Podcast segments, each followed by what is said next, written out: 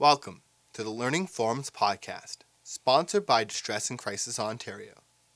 Learning Forums offers programs specifically designed for DCO member organizations. This podcast is meant to inform, educate, and support your work. Enjoy the program, and we welcome your comments and feedback at learningforums.ca slash contact with the subject podcast.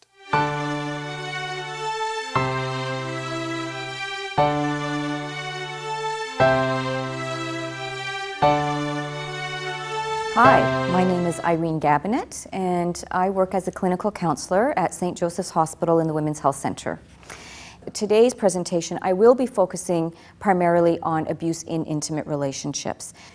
I always like to start with a definition so that we're on the same page. I think it's really important that we all understand what it means. What does woman abuse mean or violence against women? What does that mean? It involves the intent to intimidate or control a woman by someone with whom she has a familiar, or romantic relationship. This can occur through actual or threatened physical, sexual, financial, or emotional harm.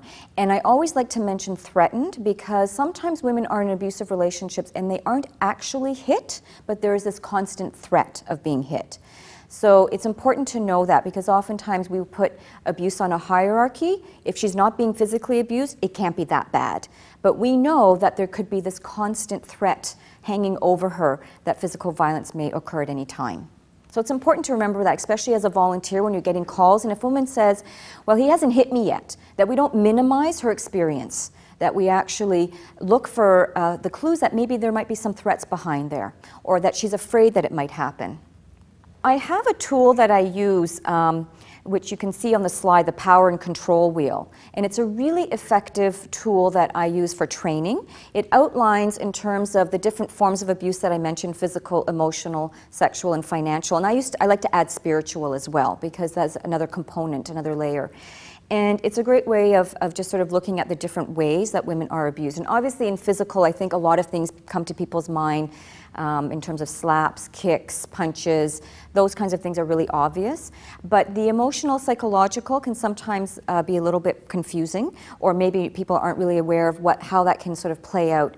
So I'm just going to very quickly highlight some of the um, emotional. Name calling is a really common one. Um, putting her down, degrading her. Um, something that I call crazy making behavior, making her feel like she's crazy, telling her certain things uh, in the morning, um, and then in the evening, coming back home from work perhaps and saying to her, I didn't say those things to you this morning, you must be making it up. So the range of emotional and psychological abuse is quite wide. Most of the women that I work with um, definitely are being emotionally abused. Not all of them are being physically abused. But in my experience, if you are being physically abused, you are absolutely being emotionally abused. There's absolutely no way those two things are separate from each other. Um, in terms of uh, emotional abuse, another thing that's really important to sort of be aware of is the threats. So it can be threats of uh, physically harming her, threats of killing her, threats of uh, getting her deported if she's a newcomer who doesn't have status threats of taking the children away if she was ever to try to leave him, threats of harming her pets, threats of harming her family. So there are, again, a whole myriad of threats that women may experience. Uh, one particular incident that I can think of when women, perhaps they are working out of the home too, and uh, the, the work is her escape, right? It's getting away from the abuse and he may continually call her at work and harass her at work, which for some women it results in them actually losing their jobs because their boss, their manager is starting to get upset that she's getting all these calls, she's on the phone all the time. So for me, that's also part of an abusive behavior. And often it's because the abuser doesn't want her working, it's a threat in some way to him, or he wants to be able to know where she is at all times. And if she's at home, in the living room, he knows she's there. But if she's at work, she may be sort of roaming around in the community a little bit more. That is for his comfort level. Um, the other thing is children are often used as a form of abusing her. So whether that's um, pitting the children against her, um, turning the children against her, meaning you know telling them that she's this horrible mother, she's this horrible person, you, putting the children in the middle of the arguments, and that can be really dangerous, um, obviously. In terms of financial abuse, there are a number of ways controlling all the money. So even if she's working and gets her own paycheck, he controls all of it. If she's not working and he is, still controlling all the money. I have had many, many clients who are not even allowed to have like $100 that's in their wallet that they can just go and purchase what they need whenever they want. Uh, food, um, hygiene products, uh, food for the children, diapers, etc., is completely controlled by him going out and purchasing it. And so women will often come to me and say, I can't even go out and buy myself a bottle of shampoo for my hair. It all, it's all controlled by him. So control is a huge part of, of an abusive relationship. Um, in terms of financial, he may be making all kinds of financial decisions without her input at all. The thing that I've been coming across more and more lately is men who are abusive who are also um, have gambling addictions. And so together they may actually earn you know a good salary between the two of them but at the end of the day there may not be even any money to pay the rent or pay the mortgage because he's gambled it all away and i consider that part of the abuse um, in that he denies that it's a problem, he refuses to get help, and it just sinks the family further, further into a really difficult situation. Um, the, the other one that I want to talk about is isolation, that often men will isolate the woman slowly over time. So maybe when she first meets him, she has lots of friends, she has family members that she's very much in contact with, but over time, through the abuse, he starts to isolate her. So sometimes you might get a call from a woman who you may ask her, you know, what kind of supports do you have? And she'll say none. And it might be hard for us to imagine that, especially if we have a good support system in our lives. But through abuse, she can systematically be um, isolated from her friends and family. And it's from his sense of jealousy, possessiveness, that uh, he controls her to the point where she can't have contact with family and friends. So it's not uncommon. Um, a big part of what women, when they come to me, uh, we set goals, and one of the goals is that I would like to be able to expand my support network. I would like to be able to get back in touch with my friends. I would like to be able to go out for a cup of coffee with a friend. So it's really uh, an important aspect in terms of how she's controlled and, and the abuse that she's experiencing. The flip side of the power and control wheel is the equality wheel. And I always use that as well because it's a good contrast between what is an abusive relationship and what is a healthy relationship. And it's really, I use it a lot as a psychoeducational tool with women. So you may want to look at it because sometimes women will say, well, isn't this normal for a relationship to be like this? And if you look at the equality wheel, you'll see, you'll be able to say to her, well, actually, this is what a healthy relationship looks like, right? And be able to give her some ideas around what that looks like. And for some women, um, they have been in an abusive relationship for maybe 30 years. It's a long time. They don't know what a healthy relationship is. Or they've been in one consecutive abusive relationship after another since they were, say, 16, and now she's 40. So she's never had a chance to be in, in a healthy relationship. So it could be a real foreign concept to her. So it's good for us to know what is a healthy relationship so we can relay that to the woman as well. Um, what I want to get into now is more of sort of the dynamics of an abusive relationship. And this is really crucial as a volunteer for you to understand what's going on for her inside of her mind. What are her feelings around what's happening? And I think that the more that we're able to get a sense of what's going on for her, we are much better at being able to support her, to be able to say the things that are going to um, give her a sense that there's some hope. Okay? Uh, one of the things that uh, comes up a lot, a question that definitely gets raised, is well, why doesn't she just leave? And people often ask it in that way. Well, just, just pack her bags and go, right? Um, and so, you know, when I first started working in this field, I was asking that same question over 20 years ago and, and started to reframe that question because I realized that by saying, well, why doesn't she just leave? What we're really saying is it's her fault. Why is she hanging around? It's kind of a way of blaming her, right? As opposed to the question being, why doesn't he stop? Right? So we need to put the responsibility where the responsibility uh, lies.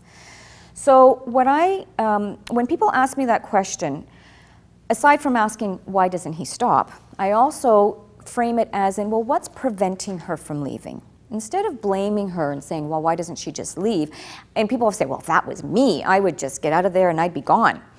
But it's a lot easier said than done. And I'm, gonna, I'm going to outline some of the reasons why it may be difficult for her to leave, some of the barriers that she's facing. If you think about your in your own life, if there's any kind of change that you want to make, and maybe not something as profound as leaving an abusive relationship, but maybe something as profound, profound as stopping smoking, changing a job, um, whatever it is, there may be some change that you want to make in your life.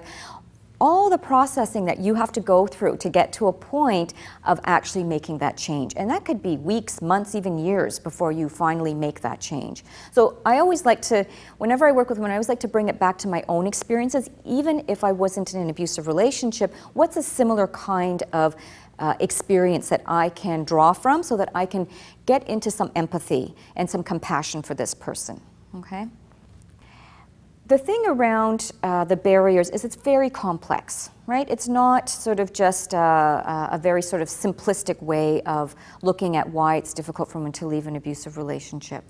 I just want to sort of note that there are many, many layers, and even within the layers, there are layers. So, for example, um, when I work with women, and they often will be lamenting about the fact that they've stayed so long. Why did I stay for 10 years? Why did I stay for 20 years? And they start to obviously blame themselves, right? So self blame is huge in, uh, for women who are in abusive relationships. It's my fault. I should have been a better mother. I should have been a, a, better wife. Why didn't I clean the kitchen floor when he said? Why didn't I cook when he told me to cook? So that's definitely plays a big role. And women will often look back and sort of try to reflect on what prevented her from leaving. I frame it for her that way because I want to take it out of the self blame and I frame it into so what may have prevented you? What was happening in your life? Let's contextualize it. To me, in my work, everything is about context. So we contextualize what was happening in her life. So women will say things like, I was terrified. I was terrified that if I left, he would kill me. So, you know, if you have this threat of death over you on a sort of regular basis, it's kind of hard just to pack up the bags and go, right? Where would you go? He'll probably find me. He told me he would find me. He told me that he can track me down no matter where I go. Even if I move to BC, he'll find me. And usually, men who are abusive are very convincing. They've kind of brainwashed her over the months and years that they've been together, so she actually starts to believe this. Um, so the fear is a huge, um, I think, one of the most one of the most common um, issues that women grapple with. It's paralyzing for her. The other one is shame. Women feel great shame that they are in this situation, right? So they may feel like, how could this have happened to me? I'm a well-educated woman. My family is a, you know, a pretty good family. There's no abuse in my history of my family. Um, you know, I've I just don't know how this happened. So there's a lot of shame. Or maybe there has been a history of abuse, and maybe people in her life have talked to her about, you know, don't get into an abusive relationship, and here she is, right? So people have said, like, especially mothers, don't fall in the same shoes that, the same path that I fell into. And so again, maybe a lot of shame around that. Uh, shame that, you know, what her coworkers will say, what her neighbors will say, what her friends will say. Another one is that often women are unaware of their choices, their options. A lot of women I know didn't even know that there were shelters in Toronto for abused women. They thought they were just homeless shelters. They had no idea there were specialized shelters until I told them about, about them. Um, if, it's a, if it's a woman who's a newcomer, who's a refugee, she may often think, well, I can't access these services. I don't even have my status here. Um, or he's going to deport me because I don't have my status, so I better not talk to anybody. If I call the police, they'll deport me right away, which, by the way, is not true. Even if a woman does not have status, she will not be deported right away. Okay, that is not going to happen. In fact, she will not be deported. she will be given an opportunity if she doesn't have an immigration lawyer to be connected to an immigration lawyer. So this is a threat that's often used. But for a newcomer woman, especially who has refugee status or who's undocumented, may not know that. Um, another uh, internal barrier to, to, leaving or just talking about it um, is that she has internalized all of his messages that she's crazy, she's stupid, no one will ever love her, um, she's not worth anything. So all those messages get internalized and really erode her self-esteem and her sense of self. And as a result, to actually get up to make a decision of any kind is very, very difficult. So when I, I want to refer back to when I said earlier, when any of us is in a situation of having to make a change in our lives and our self-esteem is pretty intact, how difficult that process is sometimes that we agonize, we angst, we talk to people over and over again. And you know, we might say our self-esteem is fairly intact. Imagine if you didn't have uh, self esteem intact, how harder that would be. Uh, I just want to speak to sort of one more. I mean, there are many more, but this is sort of just an overview. Is her emotional attachment to her partner. This is not a stranger who's abusing her. This is not some person on the street at the bus stop who just assaulted her or started calling her names. This is someone that she has a deep emotional attachment to. It's very hard to walk away from someone that you have a deep emotional attachment to. Even in a non abusive relationship where a breakup is occurring, it's very hard, right? For any of you who've had um, relationships that have ended, how hard that is, even if it's not abusive. So her emotional attachment is what I think really creates a lot of ambivalence of staying versus leaving. So if a woman were to say to you, Well, I still love him, don't say, oh no, you can't love someone who abuses you, because she'll just, that'll just shut her down. She won't want to talk to you. You can say, yeah, I believe that you still love him, right? Just validate it, acknowledge it. It's normal, it's part of her relationship um, processing and, and her journey. So I want to sort of move on to the external barriers. Um, talked a lot about her own emotional, sort of what I call emotional landscape. Um, externally, there are also lots of barriers that she faces. First of all, just societal attitudes. Depending on where you live in, in um, Ontario, in Canada, in the world, you will have different attitudes. And we have to deal with that. We have to face those um, attitudes. But the thing that I think is really um, one that I have a lot of women talking to me about is the lack of affordable uh, resources. So, lack of affordable housing.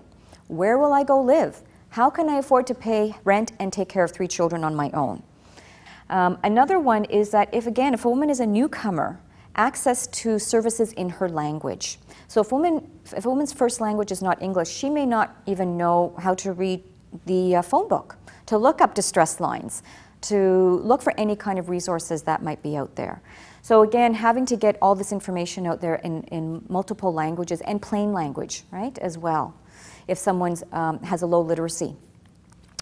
Uh, the other thing that I think is another one to sort of think about is that, as I said earlier around the isolation, slowly over time she's become isolated from her family and friends. So she doesn't have that support system anymore to say, come on, you can do it. Come on, you know, I'll be with you. I'll be by your side through it all. Don't worry. A lot of women don't have that. They don't have a cheerleading squad behind them who are just sort of cheering her on to, to encouraging her to make the steps that she needs to take. The other, and I mentioned this already again before, is the threats. Those are really, the threats from the abuser are huge, and they are in her mind, they are ingrained in her mind, and she never forgets them. And they often will uh, be the point at which she decides to leave or to stay, those constant threats in her mind. Until she finds someone to talk to, like a distress line or a counselor who can talk about, let's do some safety planning around this, right? That she doesn't have to live in this particular situation for the rest of her life. And uh, I think just one last one that I want to sort of also um, talk about is the systemic discrimination she might experience. And so sometimes women will experience things like racism. Uh, in whatever system that they encounter. And that can be a deterrent. If she had a negative experience, then she won't want to go back to that particular system. So, just being again conscious of um, all the ways that we as a society may re victimize her or re traumatize her unknowingly inadvertently.